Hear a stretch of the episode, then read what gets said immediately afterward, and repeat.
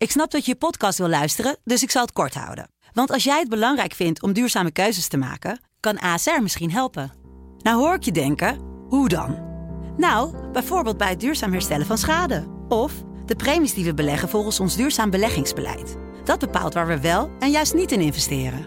Wil je meer weten over welke duurzame keuzes ASR maakt? Ga dan naar asr.nl slash duurzame keuzes. ASR doet het. Zo, dan kan je nu lekker naar je podcast luisteren. Dit is Kwestie van Centen, een podcast van de Financiële Telegraaf. Met Martin Visser en Herman Stam.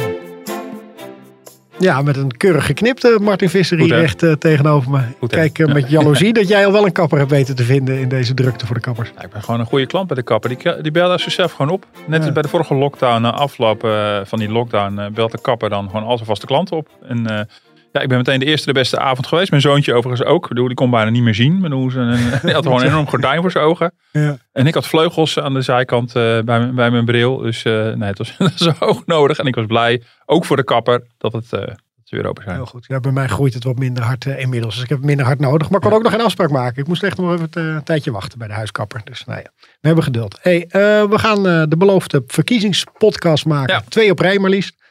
Eh, volgende week gaan we het hebben vooral over eh, wat het voor de portemonnee betekent van de burger. Ja, Stel koopkracht en, eh, en de belastingen, de toeslagen, die, die hele, hele handel. Ja. Ja, stel daar vooral ook vragen over op podcast.dft.nl. Want dat vinden we leuk om ook te kijken wat u bezighoudt in deze verkiezingsstrijd. Ik hoop vooral, deze week gaan we het dan hebben over de, de CPB-doorrekeningen van de politieke partijen. Wat dat allemaal zegt, wat ze van plan zijn. Ja. Sommige mensen zeggen erbij van nou ja, dat moet je allemaal een beetje met een korreltje zout nemen. Want uiteindelijk moeten ze een coalitie gaan vormen. En dan gaan er toch weer heel veel van die plannen op de Zeker. schop. Ja. Maar het zegt wel echt wel wat over waar ze naartoe willen, toch? Ja, nee, zeker. Ik bedoel, het, het geeft in ieder geval. ehm, ik, ik vind het aardige. Ja, niet per se van wat doet de werkgelegenheid in 2049.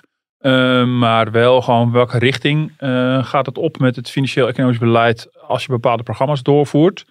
En eh, nou, het Centraal Planbureau zegt zelf ook in alle bescheidenheid. je moet niet naar de cijfers achter de komma kijken. maar naar de verschillen tussen de partijen. Je ziet natuurlijk gewoon wat, wat die programma's in de modellen doen. met alle, met alle eh, onzekerheden erbij horen. Ehm, en wat je natuurlijk ook wel kan zien, ik heb, ja, ik heb het nog niet eens helemaal uit, joh. Het is 370 pagina's. Hm. Maar je ziet wel eh, dat die partijen ook met de billen bloot moeten. En dat vind ik natuurlijk interessant. Ik bedoel, in heel veel verkiezingsprogramma's zijn bepaalde thema's heel wollig en vaag. Ehm, ja, en als je het wil laten doorrekenen, dan moet je aan het CPB, het Centraal Planbureau, ook echt goed uitleggen. Wat bedoel je daar precies mee? Wat wil je nou exact? En dan komen er soms wel nieuwe dingen uit. Of eh, het is, het is eh, concreter. En ehm, eh, eh, ja, dat is, dat, dat, is, dat is interessant. En dat zijn dan weer bouwstenen die je ongetwijfeld bij de formatie weer terug gaan, gaat zien. Dat is zeker zo. Mhm. Al is het wel inderdaad waar. eh, Er is ook al eh, promotieonderzoek naar gedaan.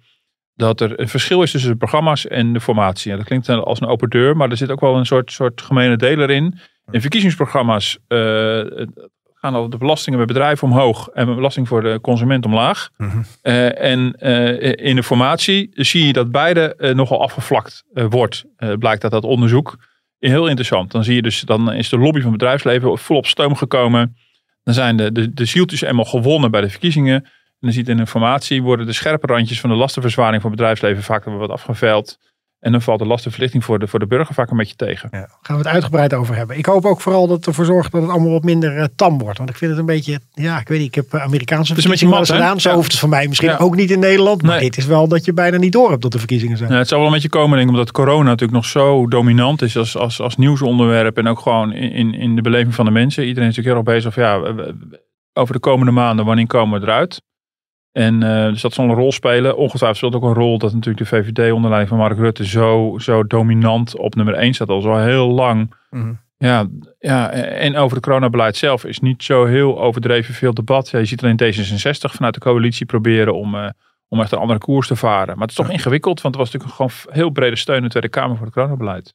Denk je nog wel eh, dat het een soort thema wordt van... hé, hey, hier kan ik misschien toch wel wat punten oppakken... als ik dat coronabeleid wat meer, eh, nou ja, eh, de- wat vragen daarover ga stellen? Dat kan wel, eh, wel. Het is wel lastig. Je ziet dus inderdaad de Sigrid Kaag bij D66 dat dus wel doen. Mhm. Die ehm, nou, bijvoorbeeld ook wel oppert van nou, mensen die gevaccineerd zijn moeten meer ruimte gaan krijgen. Maar tegelijkertijd, ja, weet je, dat is, eh, er zijn vier coalitiepartijen die hebben zich gewoon geschaard achter de, de, de inzet van dit, van dit coronabeleid dat er nu is. Eh, echt gesteund door een aantal grote oppositiepartijen. Ehm, het is eigenlijk met name PVV en, en Forum dat een hele duidelijk andere koers kiest. Dus het is best wel lastig eh, als je eenmaal je steun aan hebt gegeven om echt een heel ander beleid voor te staan.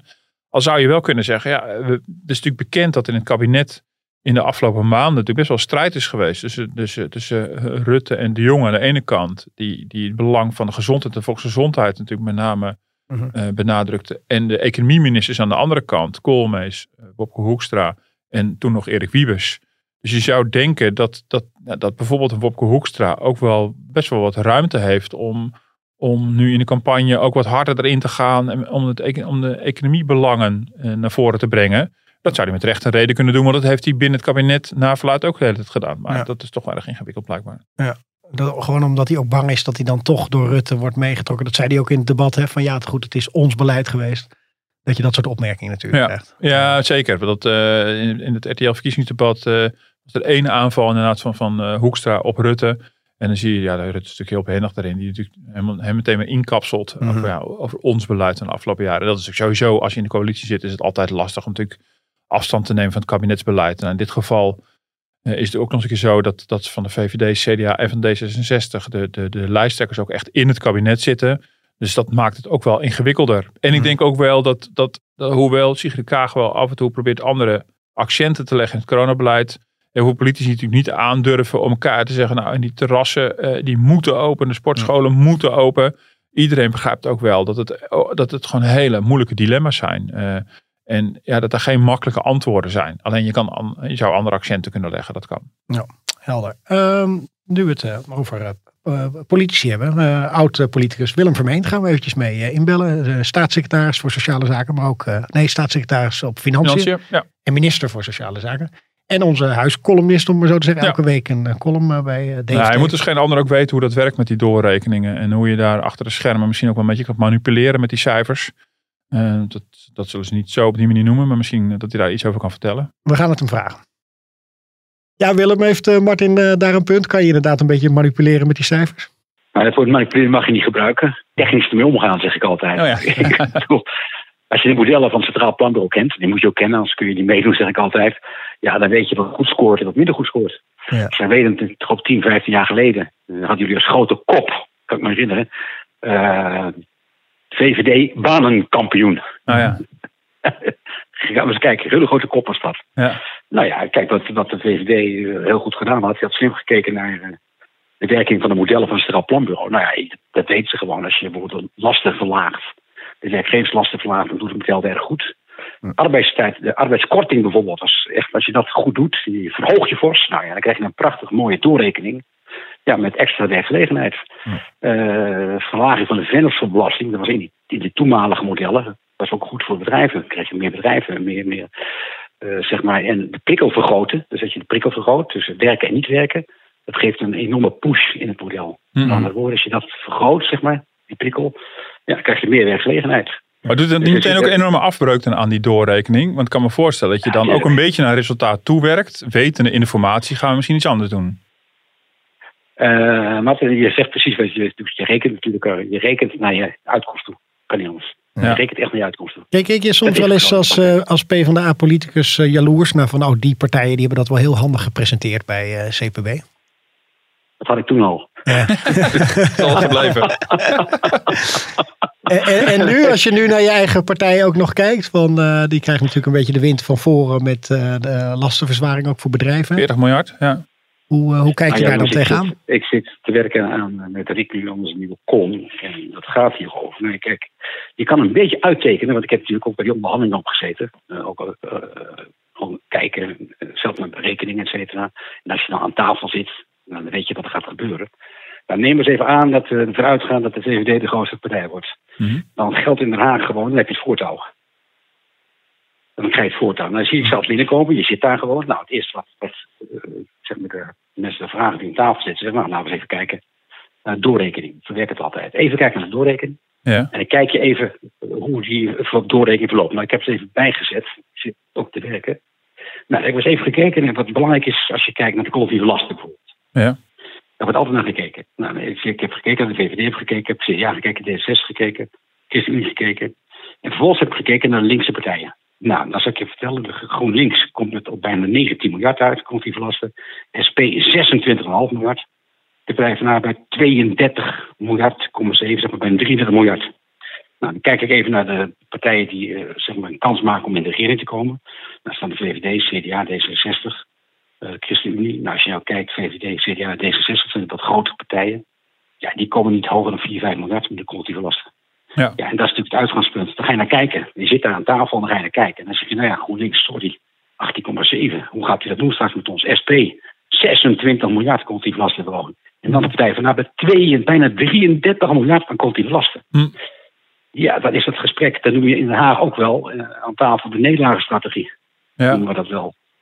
Dat betekent feitelijk gesproken dat als je daarmee akkoord gaat, dan moet je fors in gaan leveren uh, op je collectieve last. En die collectieve last is ja, toch het punt waar ze altijd willen scoren de komende jaren. Een grotere overheid. Nou, niet zo tegen, maar ja, die grote overheid moet dan wel voor een belangrijk deel uitgeven op een economische uitgaven.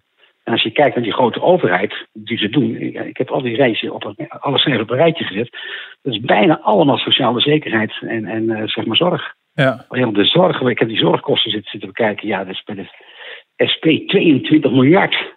De ja. van Arbeid 14 miljard, GroenLinks 13 miljard. Maar bedoel je nou ook te zeggen dat deze partijen, deze drie linkse partijen die zo zwaar inzetten op de uitbreiding van de overheidsbegroting, dat ze daarmee eigenlijk al op een, op een 1-0 achterstand staan bij een, bij een formatie? Bij een, onder, bij een onderhandeling, als je kijkt de kosten, maar dan moet ik alle kosten pakken bij. hè? Mhm. Dus die collectieve lasten zeg ik bij. Met de tweede pakken bij is de andere post die ik erbij gepakt heb, last voor bedrijfsleven. Ja.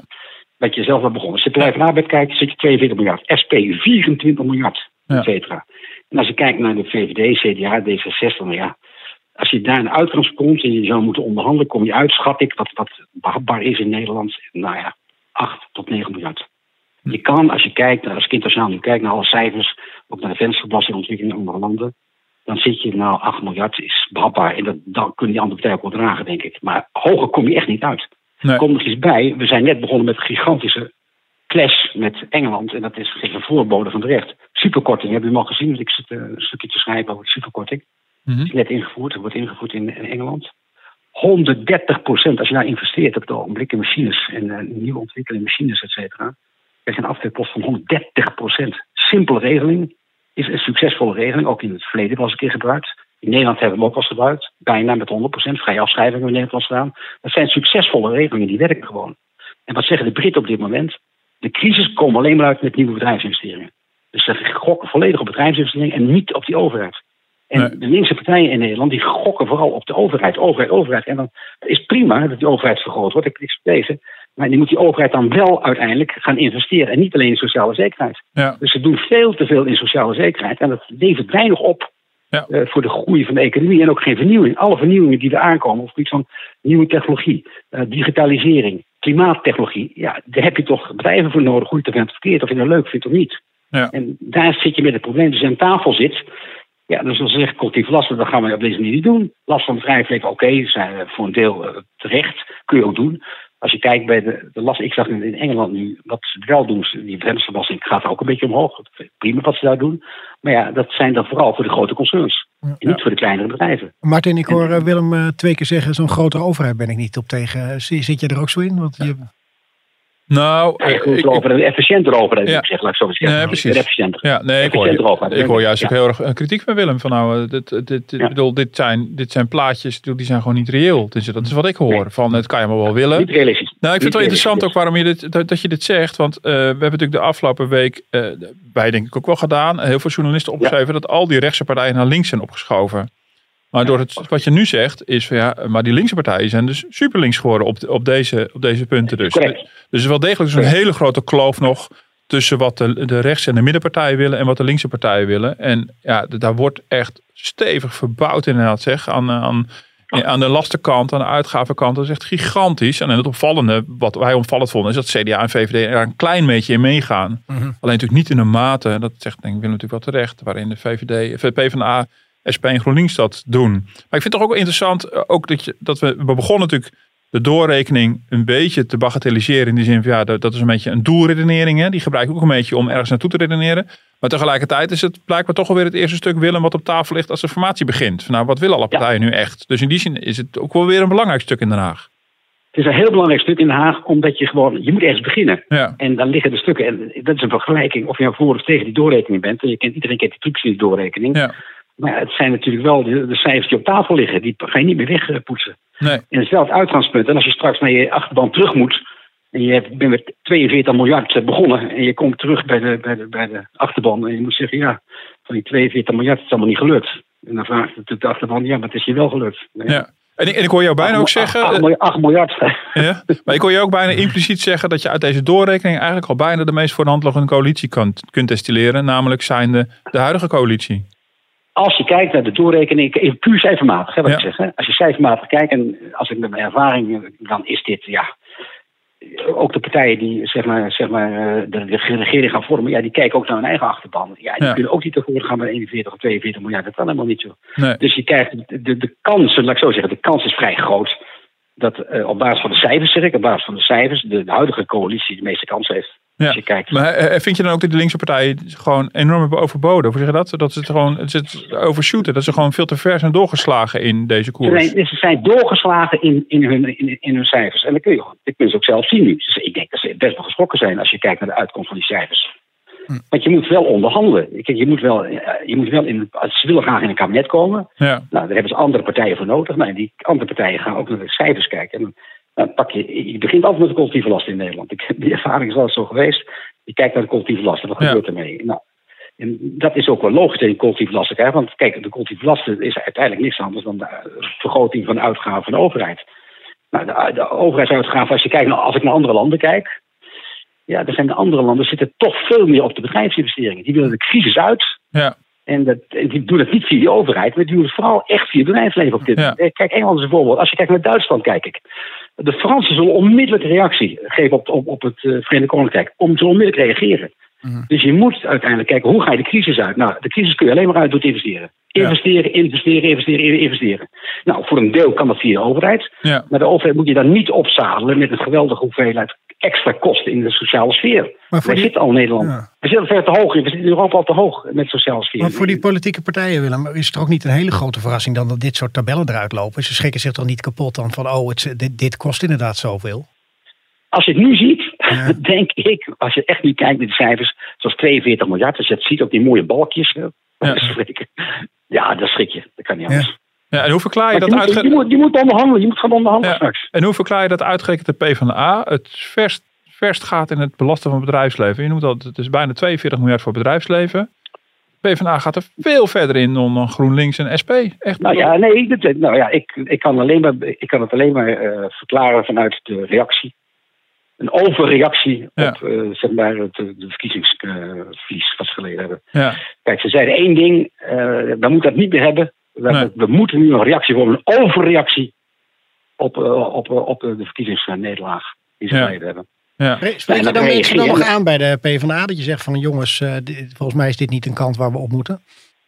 Nou ja, Rick en ik schrijf altijd elke, elke week wel zo'n soort column waarin we uitleggen dat je het niet moet doen. Ja. Nee.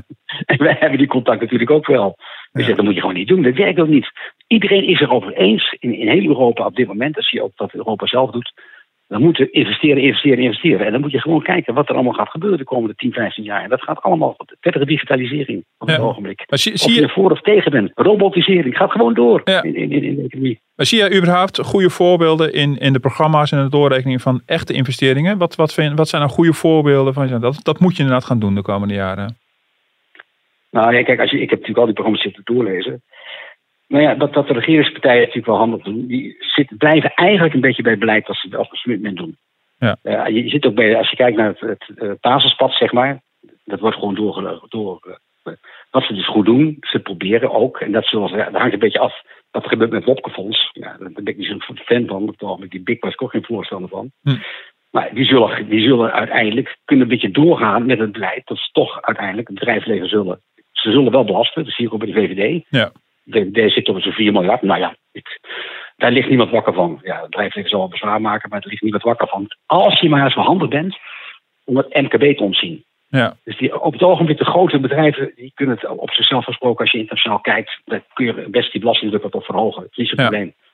Mensen vinden het ook geen probleem. Maar, ze moeten meer betalen, dat is best redelijk. Maar je zegt Wopke Wiebesfonds ben ik niet zo'n fan van. Je bent ook geen fan Nee. van die BIC. Dat is de baangerelateerde Nee. investeringskorting. eh, eh, met een Ja. beetje lange naam. Maar dat is ook een poging om investeringen aan te wakkeren. Ja. Maar noem dan één, twee voorbeelden van, van dat zijn concrete dingen die je als kabinet nu moet gaan doen om uit die crisis te komen. Nou, het allerbeste werkt in Nederland. Dat hebben we, Rick en ik vorige week nog even zitten uitrekenen. Het aller, voor allerbeste, het meest slimste wat je doet in Nederland, moet je kijken naar de, eh, zeg maar binnen een klein bedrijf. Hm. Alle wat ik zie, eh, doen 100% vrije afschrijving bijvoorbeeld. Vrij simpel. Hele simpele regeling. Je moet stoppen in Nederland met de ingewikkelde belastingwetgeving. Het eh, gaat allemaal niet lukken. Ook die afschaffing wat ze gaan doen op het ogenblik. Van, van eh, we gaan alles afschaffen en we gaan allemaal die, zeg maar die toeslagen afschaffen. Dat is Ja. allemaal heilloos weg, wordt dat. Heilloos. Ja? Daar kom je, ben je zes, zeven, acht jaar mee bezig. Ik ben zelf aan het werk geweest in mijn tijd, samen met Salm. Voor je een herziening erdoor hebt, ben je acht, negen jaar kwijt, joh. Heb je nu ook helemaal geen geld voor, toch? Om dat allemaal met je... Nee, nee, nee, nee, heb je ook geen gedaan. Dus dat zijn allemaal eh, zeg maar, ideeën die niet doorgaan. Wat je zou moeten doen uiteindelijk is houden hele simpele in. De belasting kan niks aan op dit moment. Hè, nu liggen we alles plat, et cetera. Ja. En, bedoel, en eh, heel veel kennis is weggelopen bij de Belastingdienst. Eh, Ja. Ervaren mensen zijn weggelopen, et cetera. Dus die belasting kan dus niets. Het enige wat de belasting nu zou doen, vereenvoudigen, vereenvoudigen. Een hele eenvoudige regeling. Wat nu die Engelsen doen, is simpel wat. Ieder bedrijf zegt, oh, ik krijg 130% aftrek. Prima. Ik hoef niks te doen. Geen, geen ingewikkelde aanvragen. En in Nederland moet je gewoon heel simpel zeggen, tegen, grote, tegen de kleine bedrijfjes, nou, je gaan de werkgeverslasten gaan omlaag. Werkgeverslasten zijn nu eh, al gauw al 30% bovenop op de, op de lonen die je moet leggen. Verla- Verlaagt dat. Dat betekent dat midden- en kleinbedrijf wordt ontlast op die manier. Krijgen minder ruimte, hè, meer banen, krijgen meer ruimte, et cetera.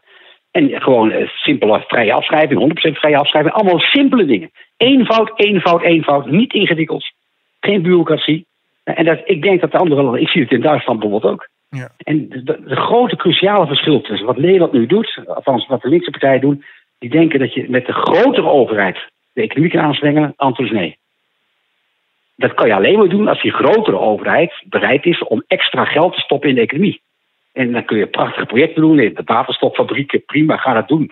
Eh, Maar is dan wel via de marktstok samen met de overheid. Ik ben niet tegen de overheid, maar de overheid moet dan samenwerken met bedrijven. En wat hier gebeurt met de linkse partijen, zit er veel te veel in op de sociale zekerheid, die al te hoog is in, in vergelijking met andere landen. Ja. Onze collectieve lasten zijn verder weg als je kijkt. Ik heb een internationale vergelijking zitten kijken. Ja, die zijn op het ogenblik, werkgeverslasten behoren tot de hoogste van Europa. Onze collectieve lasten zitten in de top, ook in de top 5, 6 van Europa. En wij zijn een internationaal land. 30% van onze welvaart wordt in het buitenland verdiend. 2,4 tiende miljoen banen in dit land worden uiteindelijk gedaan door internationaal opererende bedrijven. Nou, internationaal bedrijven, dan kun je zeggen, die lopen niet weg. Ja, op den duur wel. Nou, je, pleidooi, je pleidooi is helemaal helder, hè, Willem. Ik wilde eigenlijk even tot slot aan je vragen of je nog uit die tijd van dat je zelf eh, staatssecretaris of minister was, dat je nog weet van hé, hey, toen hebben we dat of dat met die eh, doorrekeningen gedaan. Dat was wel een opvallend voorbeeld. Eh, de- heb je nog zoiets uit je, uit je historie? Nou, nou eh, mijn, mijn slimmigheidje, als we er niet uitkwamen, dus, zo, we kwamen er soms niet uit, dan was de uitkomst niet goed. En dan gingen we altijd kijken naar de arbeidskorting. Nou ja. Dus als het niet leuker uitzag, dan gingen we met de arbeidskorting. Ja. Dus dan deden we die arbeidskorting verhogen. Of we, gingen ja. hem trap, maken. Dus als we wel iets hadden, dan keken we altijd naar arbeidskorting. Maar dan ging de werkgelegenheid omhoog. En dan, eh, ja, ja, dan ging de werkgelegenheid omhoog. Ja. En, en, en, de werk, en de werknemers kregen iets extra's. Dat ja. kun je niet willen. Ja. dat, gebruiken we altijd. Ja. Want zo kan het ook. Als we, het vergeten, als, we het vergeten, we het waren, deden we dat nog, alsnog. Precies, maar je kreeg een concept eerst en dan kan je nog een keer een zwengel geven aan een paar knoppen. En dan, ja. Eh, ja, ja, ja, ja. ja, Maar die krijg je dus straks ook. Hè. Je moet straks wel oppassen, wat je het straks ziet. Er komt weer een doorrekening aan. Kijk, wat gebeurt nu? Je gaat onderhandelen.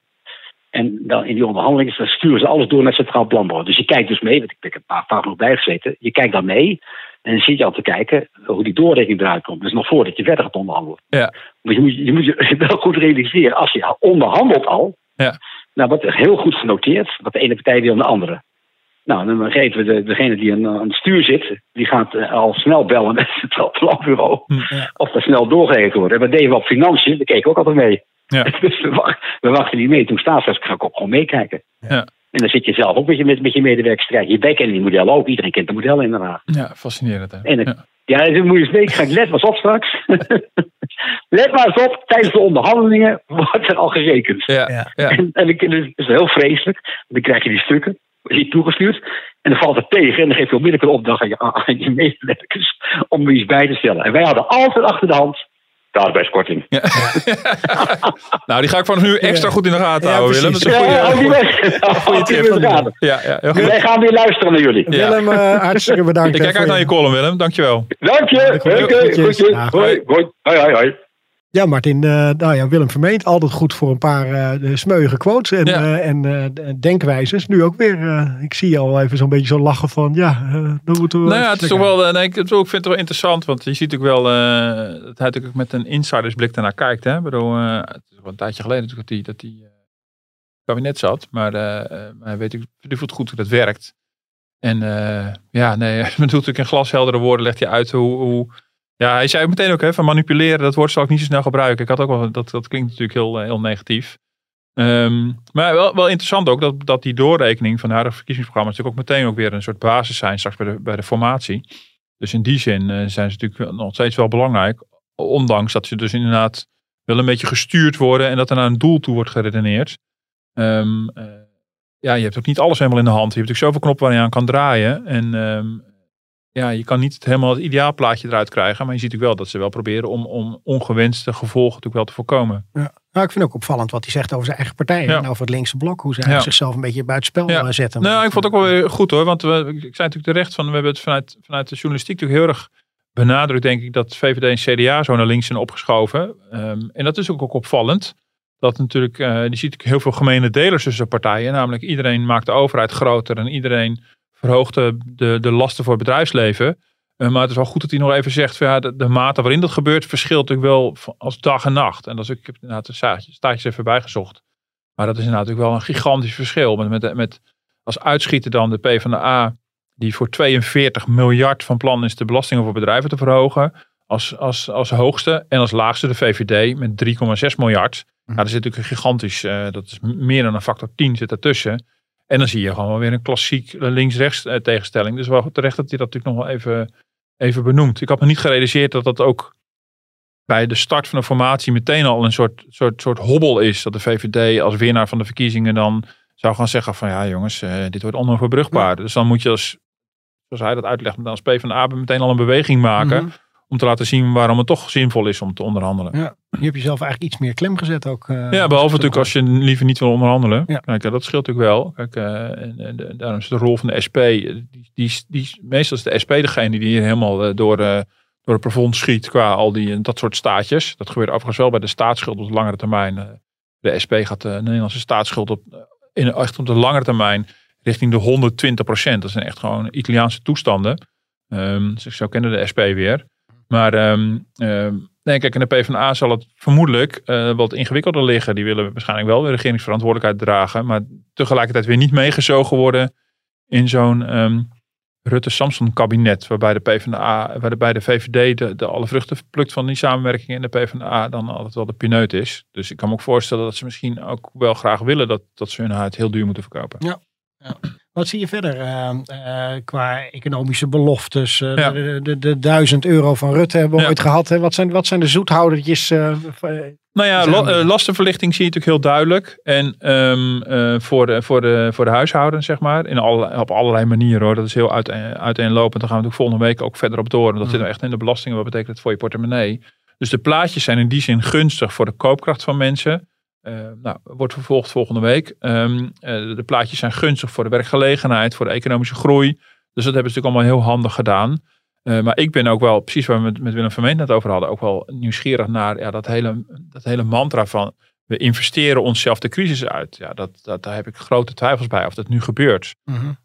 Nou, sterker nog, voor mij gebeurt het helemaal niet. En nou, eh, wat ook echt opvallend is, is dat de linkse partijen bijvoorbeeld eh, de, de, de collectieve sector veel groter maken. En wat je dus ook terugziet, is dat de banengroei, die, die het planbureau doorrekent, zit hem dus vooral in eh, banen in de publieke sector. Je ziet dus dat, dat vanuit vooral die drie linkse partijen natuurlijk bijna niks wordt gedaan wat echt ten goede komt aan gewoon de economie en aan de marktsector. En dat is ook verder legitiem als politieke partij om te zeggen van nou wij vinden gewoon onderwijs belangrijk om de salaris te verhogen. Dat, dat is prima om dat te vinden. Maar dat is, dat is iets anders dan je de crisis uit investeren. En overigens, en, de VVD, eh, wat de VVD van plan is, zit eigenlijk heel dichtbij wat ze natuurlijk al doen. Je ziet die wijken het minste af van, wat Vermeend net ook al even noemde, het basispad. Mhm. Er zit een soort, soort, soort, dat is een soort, het vertrekpunt, zeg maar. Je ziet, als je niks zou doen, Dat is het basispad. Dan, dan zie je dus dat de begroting sowieso ook wel toeneemt. Hè. Ik bedoel, de, de, de prijzen stijgen, de lonen stijgen. eh, dus, eh, dus je ziet ook de overheid vanzelf dan een beetje groter worden. Eh, dus dat is het basispad. En wat doe je dan als politieke partij ten opzichte van het basispad? Nou, die ziet de VVD daar het minste, het minste afwijkt. Ja, wat over die staatsschuld. Hè? Eh, Brussel geeft voorlopig wel wat respijt. Ja. Hè? Die wordt niet zo streng aangepakt als die staatsschuld te veel oploopt. Maar op een gegeven moment zullen we, ja, wij staan er vooral bekend om. En ook dat we andere landen daarop eh, terecht wijzen van Ja. daar hou de boel een beetje bij in orde. Wat zie je nu in die, in die partij? Zie je dat echt schrikbarend oplopen? Nou ja, dat, ja, nou, dat, ik had eerlijk gezegd verwacht dat dat zou gebeuren. Ehm, maar dat, dat valt dus heel erg mee. Ehm, eh, maar wat hier een beetje verneukeratief is, is dat het Centraal Planbureau natuurlijk vooral kijkt van wat gebeurt er in de komende kabinetsperiode. Dus ze kijken heel erg naar 2025. En dan zie je dat de, de stijging van de staatsschuld dan tegen die tijd weer gaat afvlakken. Ehm, nou, dat ziet er heel gunstig uit. En daarnaast maken ze ook wel een plaatje voor de echt lange termijn, dus 2060. Nou goed, dat is, dat- ik zou niet specifiek naar dat jaartal kijken, maar meer gewoon van dat is de trend, zeg maar, voor de langere termijn voor daarna. En daar is wel een heel groot verschil tussen. Wat je natuurlijk ziet, wat je ziet gebeuren, is dat voor de huidige kabinetsperiode er zo getweakt is, precies zoals net werd uitgelegd, ehm, dat het plaatje er voor de huidige kabinetsperiode heel gunstig uitziet, inclusief de staatsschuld, die echt binnen de perken blijft, ruim onder de 60% eh, eh, zal blijven in die, in die periode, volgens deze doorrekening dan. Maar dat er daarna, dan zie je de grote verschillen ontstaan. Mhm. Dat betekent dus dat er nu iets gebeurt wat later een prijs heeft. Ehm, en dat komt omdat er volgens mij niet, eh, niet echt wordt geïnvesteerd in de economie, maar vooral de overheid groter wordt gemaakt. En ehm, ja, onze economie eh, bestaat niet alleen uit bedrijven en consumenten, maar de overheid is ook een onderdeel van die economie. De overheid is ook een soort van consument. Dus als wij bijvoorbeeld, weet ik veel, eh, de, de, ehm, het aantal ambtenaren uitbreiden, dan kan je zeggen dat de overheidsconsumptie toeneemt. Dan is het aandeel van de overheid in de economie wordt ook groter. En je ziet dus dat heel veel partijen dat op allerlei vlakken doen. Een salaris te verhogen in de zorg of in het onderwijs. eh, uitbreiding zus, uitbreiding zo. eh, eh, eh, in de sociale zekerheid, eh, wat, wat Vermeent ook terecht zegt, eh, zie je natuurlijk allerlei eh, bewegingen eh, op het gebied van minimumloon, wat effect heeft voor de uitkeringen. Er zijn allerlei vormen waarbij dus de overheidsuitgaven toenemen. En dat leidt tot een hogere, eh, tot een grotere economie, en dus tot een grotere economische groei. Maar is zelf geen versterking van het bedrijfsleven. En dat zal vroeg of laat moeten worden betaald. Dus het heeft, dus ja, en ik bovendien gebruik heel veel woorden om te zeggen van het, het, het, het, uit de modellen lijkt het alsof we dan de economie stimuleren. Mhm. Ehm, maar bij economie stimuleren denk je aan, aan ondernemers die geholpen worden en die voor banen zorgen. En dat gebeurt dus bij nagenoeg alle partijen niet of niet noemenswaardig. Wat er vooral wordt gedaan is dat de overheid wordt groter en eh, het aandeel van de overheid in de economie. In de economie is dan wel groter geworden, maar je zal zien dat effect dat appt op een gegeven moment weg. En dan zal je in, in de jaren na, deze, na, na het komend kabinet op een gegeven moment die rekening moeten gaan betalen. Daarom schreef ik van de week ook in mijn column, we gaan straks niet een rekening voor de coronacrisis betalen. We gaan een rekening betalen voor deze ongebreidelde uitgaven voor, de voor de reactie op de coronacrisis. Voor de reactie op de Ja, coronacrisis. En eh, is het ook niet zo dat bij zulke plannen, ook met zo'n uitbreiding van de overheid, dat je dat ook niet zo snel terugdraait? Dat Nee, je gewoon een tijd lang aan vastzit. En, eh, nee, zeker bij salarisverhogingen zo. Als, je dat, eh, als je dat allemaal zou doen, dat is niet, zo, dat, dat is niet zo eenvoudig. En ehm, ehm, kijk, en sommige dingen zijn ook, het zijn politieke keuzes. Dus ik zeg ook niet dat het niet mag, maar het is wel goed om aan te geven dat het niet altijd investeringen is. Kijk, de, de, de VVD geeft ook heel veel extra geld uit. In verhouding tot wel veel minder linkse partijen. Maar die steken bijvoorbeeld, ik zeg maar wat, 3 miljard in defensie. Nou, dat mag je allemaal vinden. Allemaal prima. Daar heb ik verder ook eigenlijk eerlijk gezegd niet zo'n mening over. 3 miljard aan meer materieel en meer defensiepersoneel. Ehm, ja, dat heeft ook een effect op dat BBP, op dat bruto binnenlands product. Maar is in zichzelf natuurlijk geen investering in de economie. Dat is, verder een legitieme eis of een wens vanuit de politiek. Eh, en dan zie je wel dat de VVD, die zetten er af en toe nog wel wat iets van bezuinigingen, of een soort van bezuiniging tegenover. Die zijn wat karig op het gebied van de uitkeringen. Die, die, ze bevriezen een heel aantal uitkeringen. Die zorgen die manier dat het allemaal binnen de perken blijft. Eh uitkering bevriezen doet het, net als die arbeidskorting, denk ik ook wel weer goed. Omdat je dat verschil tussen, tussen eh, eh, loon en uitkering groter maakt. En dat werkt in de modellen altijd positief door in de werkgelegenheid. Ehm, eh, maar je ziet dus dat op allerlei vlakken inderdaad, ja, wordt de overheid groter gemaakt. Ja, en je ziet ook de voorspellingen natuurlijk al van, van allerlei mensen die zeggen, ja, bij een kabinet daarna, of misschien daar weer na, zal het toch weer grootschalig moeten worden bezuinigd om dit allemaal weer om dit goed te maken. Ehm, volgende week gaan we het hebben meer echt dus over de, de portemonnee. Ik wilde wel een paar onderwerpen nog eruit Ja. pakken uit die, eh, uit die be- berekeningen. Vooral de huizenmarkt, hè, wat Is goed, weer ja. opviel. Want dat is eh, natuurlijk altijd een lastig dossier. We hebben het er eh, de vorige podcast ook over gehad. Zie je nou hierin uh, de oplossing van, hé, Nee. hey, we krijgen allemaal een huis? Nee, dat vind ik wel interessant. Want we hebben natuurlijk onlangs inderdaad een podcast gemaakt over wonen. En daar hebben we het ook over gehad. En dit, is, dit ligt op een bordje van het Planbureau voor de Leefomgeving. Dat is het andere planbureau. Die zitten allemaal in hetzelfde pand. Eh, en die hebben naast klimaat en milieu ook, eh, ook een analyse gemaakt van wonen. Ik vind overigens wel echt een opvallend groot verschil tussen de twee analyses. Dat het Planbureau voor de Leefomgeving is op het gebied van wonen heel kwalitatief. Dus, dus ze zijn niet aan het rekenen. Dus ze geven echt een soort oordeel. Eh, en dat, dat doet het planbureau, het Centraal Planbureau dus totaal niet. Die stoppen alleen maar iets in een model en dan rolt er iets uit.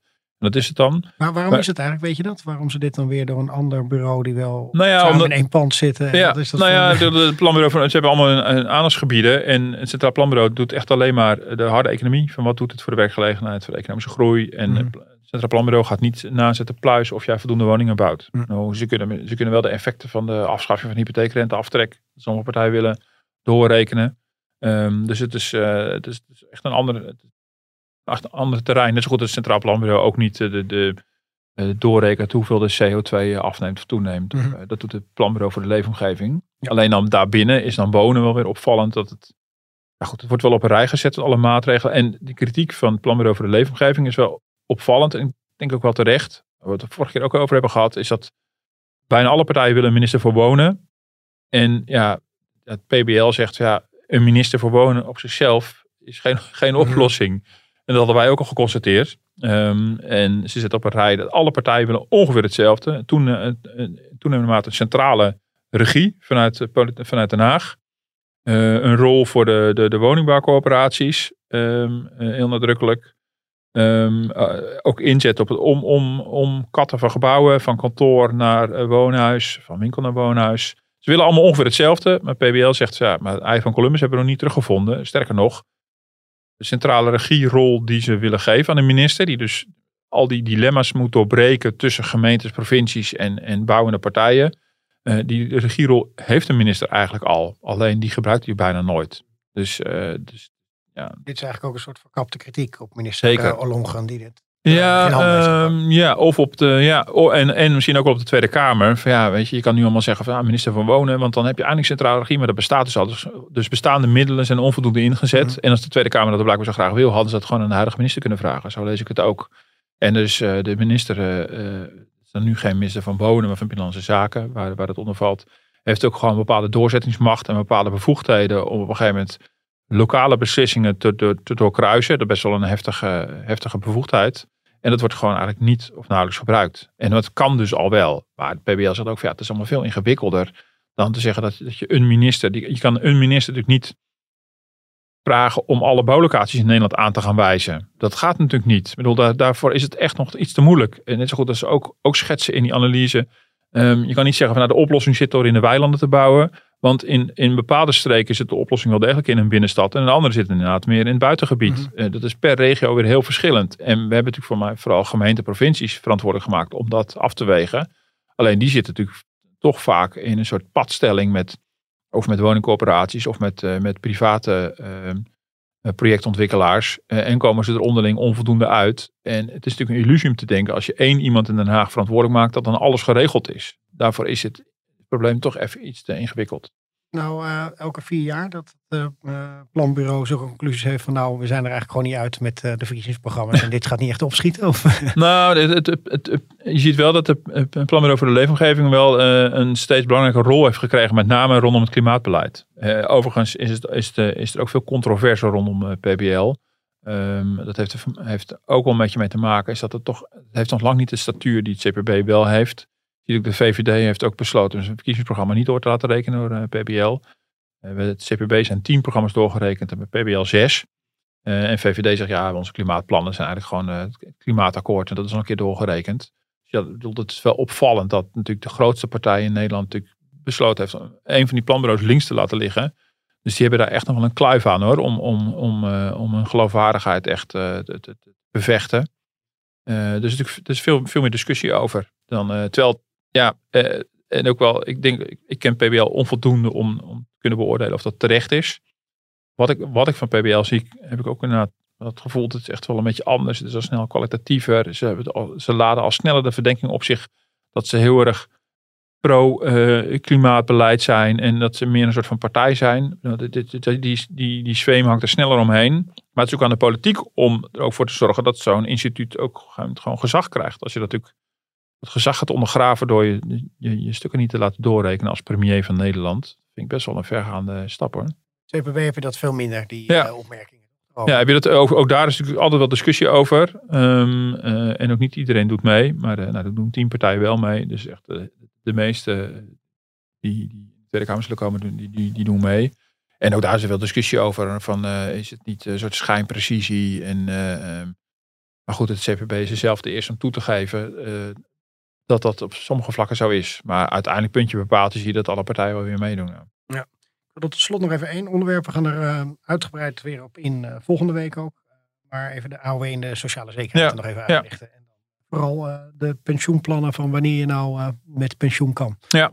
Wat zie je daarin? Nou ja, kijk, interessant is natuurlijk ehm, de, de, de, het nieuwe pensioenstelsel wat nu in, in elkaar getimmerd wordt, waar een groot polderakkoord over was. Dat, dat, dat, is, dat is niet zo controversieel. In ieder geval niet bij zes partijen. Ik bedoel, de vier coalitiepartijen plus GroenLinks en PvdA hebben zich achter die pensioenplannen geschaard. Wat ik interessant vind is dat daarnaast nu ook wel bewegingen op de AOW komen, die ook wel relevant zijn.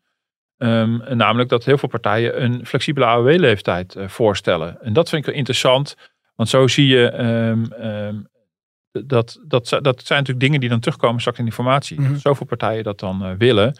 Dan heb je natuurlijk best kans eh, ja, dat dat goede kans van slagen heeft in de, bij, de, bij de formatie. En dat zijn de VVD, CDA, D66, PvdA en DENK. Die willen het alle, alle vijf mogelijk maken dat je eh, een paar jaar later met de AOW mag. Dus dan mag je een poosje blijven doorwerken. Eh, verschillend, sommige drie jaar, andere vijf jaar. Ehm, en dat betekent dat je AOW later gaat krijgen. En dan krijg je navenant ook, eh, krijg je ook meer. bedrag, ja. Ja, krijg je een hoger bedrag. En dat komt gewoon omdat mensen zich nog fit voelen en denken Ja. ik ben gewoon nog tevreden in mijn Ja. baan en eh, Ja. laat me alsjeblieft.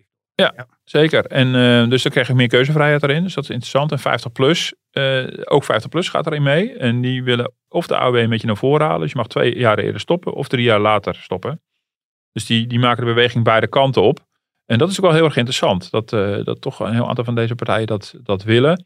En dat is verder, als, je het, als je later met de AOW gaat, is het voor de overheid verder geen bezuiniging. Op korte termijn even wel. Want dan iedereen die dat besluit, die hoef je nog geen AOW te Ja. betalen. Dat kan je op een later moment doen. Dus dat vind ik een interessante. Eh, en ook een interessante is dat eh, meerdere partijen, eh, maar dat raakt ook bijna een beetje aan de koopkrachtplaatjes, ervoor kiezen om de AOW te fiscaliseren. Onder andere D66, GroenLinks en ChristenUnie vond ik. Dat is misschien niet helemaal uitputtend wat ik nu opsom. Maar dat is ook zo'n ding, daar ga ik wel opletten, ook straks bij de formatie of dat terug gaat komen. En fiscaliseren van de AOW, eigenlijk wil eigenlijk gewoon zeggen dat de AOW stapje voor stapje niet meer uit de AOW-premie betalen, maar helemaal uit de belastingen. We doen het nu al half om half, zeg maar. Deels uit de premie en deels uit de belastingen. Concreet betekent dat dat gepensioneerden via hun belasting mee gaan betalen voor hun eigen AOW. Ehm, dat noemden we vroeger de bosbelasting. Dat was Ja. een frame van Ja. eh, Maxime Verhagen eh, en eh, Jan-Peter Balken. En Heel veel over te doen. Toen Heel veel over bij te de doen. Geloof ik dat hij dat ooit ja, introduceerde. en toch? eh, de, de bosbelasting is natuurlijk om, om daar echt het etiket van Wouter Bos op te plakken. Mhm. Want dan moest, moest je als gepensioneerde, als je dus voldoende verdiende, betaal je er dus mee aan de AOW van, de, van, van mensen die misschien alleen maar AOW hebben. Eh, dus, dus als dit terug gaat komen, eh, dan is het, wordt dat nog wel een ding. Want ik denk dat heel veel gepensioneerden er helemaal niet blij mee zijn. Mhm. Want ze betalen al een deel. Ja, ze hebben hun hele leven opgebouwd, zeggen ze dan. En dan Ja, ga ik alsnog. Ja, Dus dat vond ik een opvallend ding dat er bij een aantal partijen ook wel, wel, wel terugkomt. komt. Nou, daar gaan we volgende week dan eh, verder op eh, in het met jou eh, goed vinden. ja, is goed. Ik dank je voor je. Misschien bellen we nog wel even in met Willem. Je weet het nooit als hij nog een leuk nieuwtje heeft. En eh, ik zou zeggen, eh, mail ons dus op eh, podcast.dft.nl. En u kunt ons terugluisteren op iTunes en op Spotify. Tot volgende week. Tot volgende week.